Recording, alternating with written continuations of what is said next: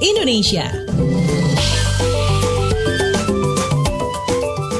Waktunya kita keliling Indonesia di WhatsApp Indonesia. Kita mulai dari Jakarta untuk mengetahui tiga tuntutan buruh di May Day 1 Mei 2020. Selengkapnya dilaporkan reporter KBR Valda Kustarini. Selamat pagi. Selamat pagi. Setidaknya ada tiga tuntutan buruh yang bakal disampaikan pada peringatan Hari Buruh Internasional hari ini 1 Mei 2020.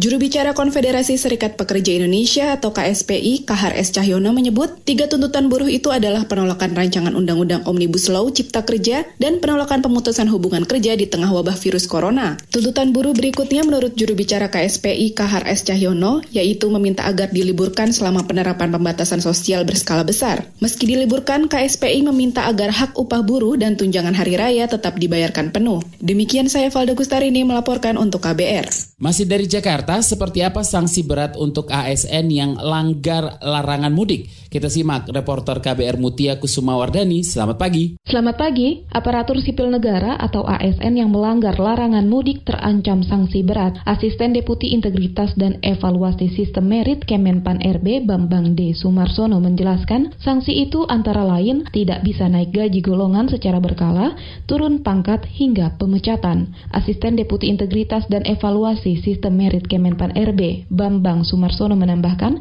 ASN yang terpaksa mudik harus mendapat izin dari pejabat berwenang atas delegasi pejabat pembina kepegawaian atau PPK. Adapun PPK di tingkat pusat dijabat oleh menteri, sedangkan di daerah PPK yang dimaksud yaitu gubernur, bupati, atau wali kota. Demikian saya Mutia Kusumawardani melaporkan untuk KBR. Terakhir kita mampir ke Banyuwangi Jawa Timur. Pemkap Banyuwangi instruksikan PT ASDP tidak menjual tiket untuk mudik. Selengkapnya kita simak kontributor KBR Hermawan. Selamat pagi. Ya, selamat pagi. Pemerintah Kabupaten Banyuwangi, Jawa Timur menginstruksikan kepada PT ASDP Ketapang untuk tidak melayani penjualan tiket mudik baik di Pelabuhan Gilimanuk maupun di Pelabuhan Ketapang, Banyuwangi.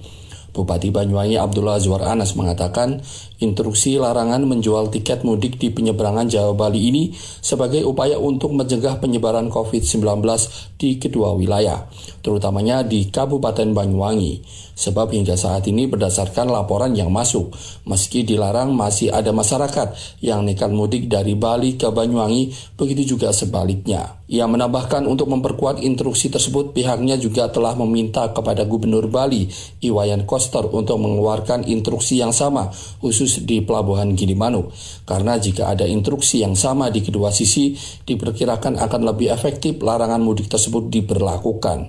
Bupati Anas meminta pihak pihak PT ASDP hanya melayani tiket penyeberangan terhadap kendaraan pengangkut sembako, peralatan medis atau kesehatan dan bantuan kemanusiaan COVID-19 saja. Demikian dari Banyuwangi, Herman melaporkan untuk KBR.